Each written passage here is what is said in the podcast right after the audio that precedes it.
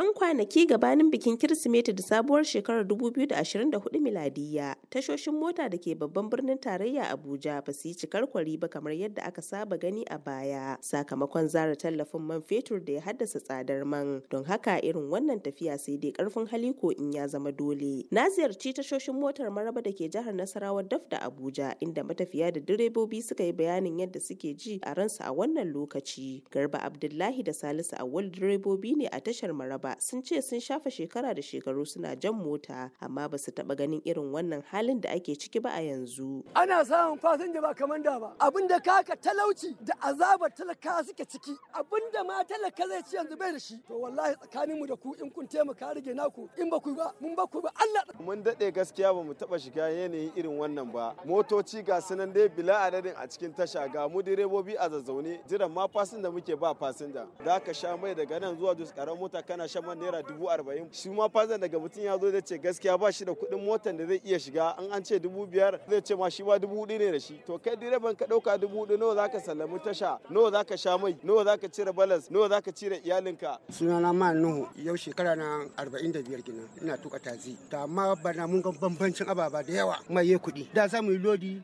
dubu ɗaya ɗari takwas takwas mu samu kuɗi mu ci da matan mu da yaran mu. To yanzu nan mai ina kwashe mana kuɗi. Rukayya mai tafiya ce a daidai irin wannan lokaci na kowace shekara ta ce dama kuɗin motan kan karu amma na wannan karan abin ya wuce misali. Ana fuskantar ƙalubale maganan kuɗin mota don ya zama dole ne ma ka tafi. Yanzu ko yau da safen nan ma mun zo mun tambaye kuɗin mota da aka ce mana 55 amma yanzu kuma ya koma 6000. Gaskiya kowace Christmas dama ana fuskantar wannan kalubalen. Sunana Fidelis Onen. Yaya kuɗin mota? Kai al'amarin fa yanzu fa sa hankali.